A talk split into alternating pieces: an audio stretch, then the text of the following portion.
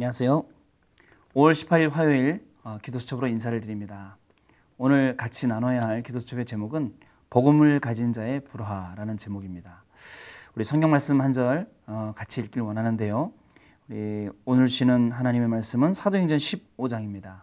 36절로 41절까지 같이 우리 한 목소리로 합동하도록 하겠습니다.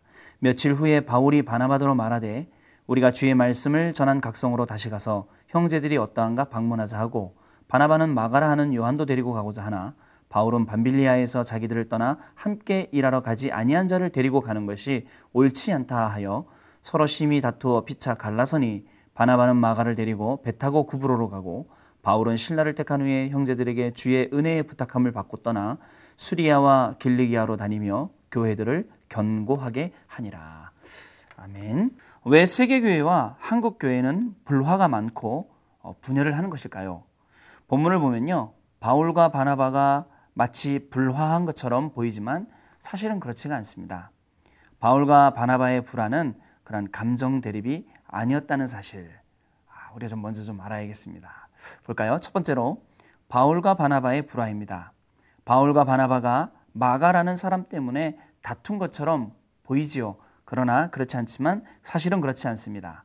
그들의 불화는 어떻게 하면 복음을 전할 수 있을까에 관한 아주 그 중요한 고민이었다는 것입니다. 생각과 체질의 차이가 있었지만 사역에는 전혀 지장이 없었습니다. 우리가 복음을 전하기 위해 하나님 앞에서 고민하고 갈등하면 기도 속에서 역사가 일어나게 됩니다. 꾸준히 정말 기도 속에서 모든 것을 하다 보면 우리의 일도 우리의 공부도 우리의 전문성도 기도 속에서 자꾸 찾아내다 보면 진짜 안 보이는 부분들이 하나씩 하나씩 어, 보이게 되는 것을 어, 응답으로 받을 수가 있습니다. 평소에는 그냥 무심코 지나쳤던 거지만 그런 작은 거지만 그 안에 하나님이 주시는 전도의 많은 열매들 그런 것들이 있는 것을 하나씩 하나씩 이렇게 발견을 하게 됩니다. 그래서 정말 우리가 어떻게 하면 복음을 전할 수 있을까? 이런 기도를 오늘 시작한다면 여러분들이 하는 일, 여러분들의 학업 속에, 여러분들의 만남 가운데 하나님이 주시는 중요한 응답들이 마치 초대교회와 우리 바울 선생님이 다녔던 모든 현장에서 일어난 것처럼 어, 그런 응답들을 분명히 우리 가정과 학교에서 우리의 현장에서 분명히 받고 누릴 수 있다는 사실 우리 랩런트들 잊지 말게 되기를 아, 바랍니다. 어떤 친구는 보니까 중학교 1학년인데도 정말 아주 훌륭한 기도 제목들을 다 써서 계속 기도를 하고 있고 어떤 친구들은 또 전도자의 일곱 가지 삶을 하나씩 하나씩 기록해 가면서 교회 와서 친구들하고 포럼하고 이런 모습을 볼때 아, 우리 랩런트들 너무 귀하구나. 이런 랩런트들 한 명 한 명이 현장에서 딱 지금 아주 시스템으로 딱 자리 잡고 중요한 전도 운동을 하고 있구나 생각하니까 너무나도 아, 기쁘고 너무나도 힘이 넘쳐나는 것을 느낄 수가 있습니다. 오늘 우리 랩런트의 최고의 고민이 뭡니까? 어떻게 살까? 이런 것이 아니라 어떻게 하면 이 복음을 전할 수 있을까? 이게 우리 오늘 랩런트와 전도자들의 최고의 고민인 줄로 믿습니다. 보통 사람들은 어, 현재 어, 아직 현재는 완전히 지나가 버린 과거에 있었던 문제들을 30% 정도 걱정을 하고 염려한다고 합니다. 이미 지나갔는데 그리고 또 30%는 앞으로 앞에 있기 때문에 지금 시간표로 오지도 않았는데 앞당겨서 미리 걱정한다고 합니다. 또 현실 오는 문제들은 많은 염려와 많은 두려움과 이런 것들 가지고 일부러 고민을 하는데 그렇지 않습니다.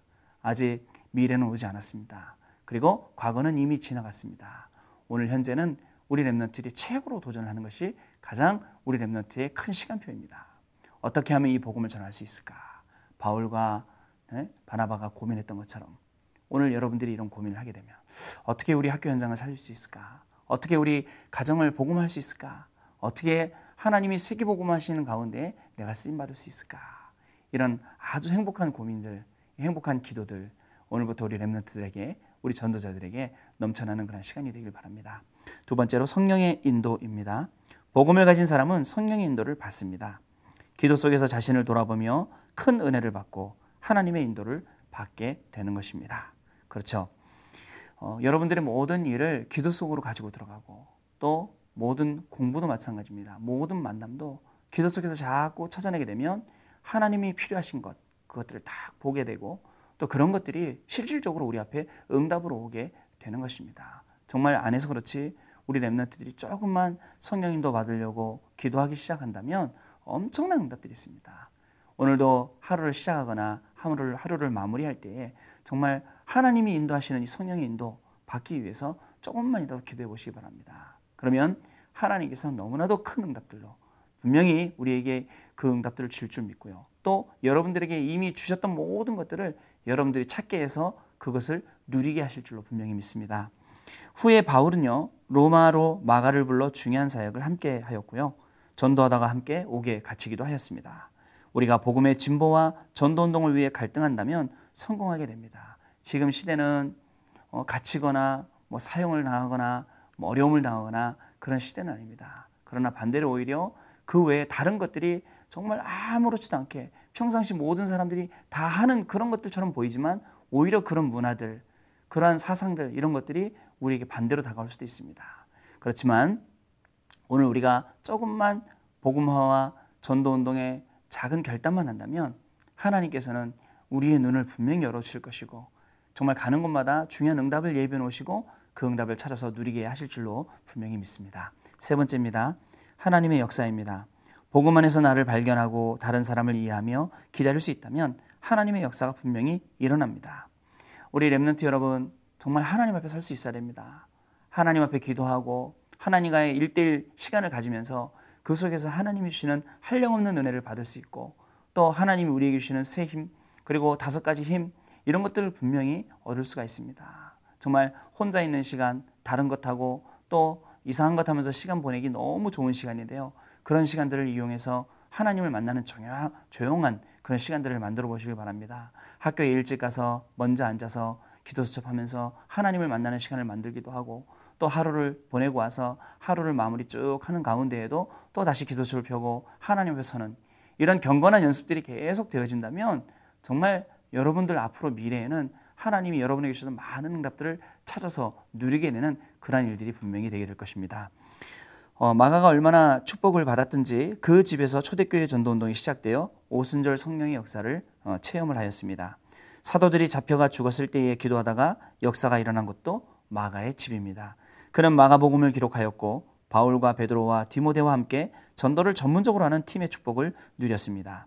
마지막까지 복음을 증거하며 교회를 세우고 순교로 승리했습니다. 하나님의 역사, 바로 그 하나님이 하시고자 하는 일, 바로 여러분을 통해서 하시고자 원하십니다.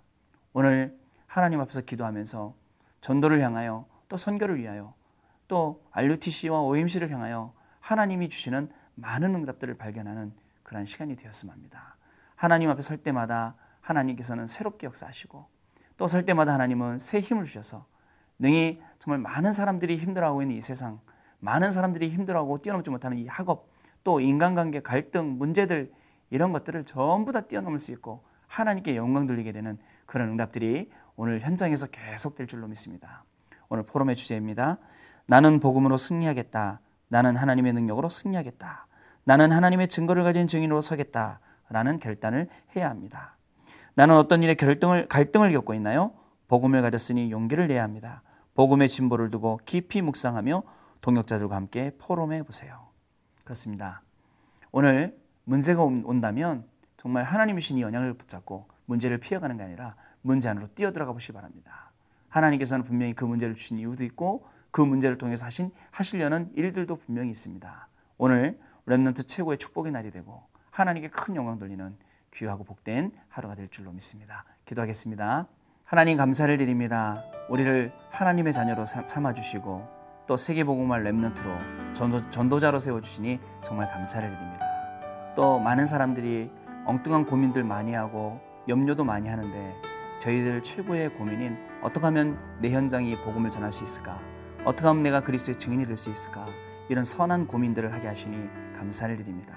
이런 고민으로 하루를 시작하고 하루를 마무리하는 모든 웹런트들과 전도자들에게 오늘 새롭게 모든 전도의 문이 열리는 귀한 응답이 시작되도록 주께서 성령으로 역사하여 주옵소서. 우리 주 예수 그리스도 이름으로 기도드립니다. 아멘.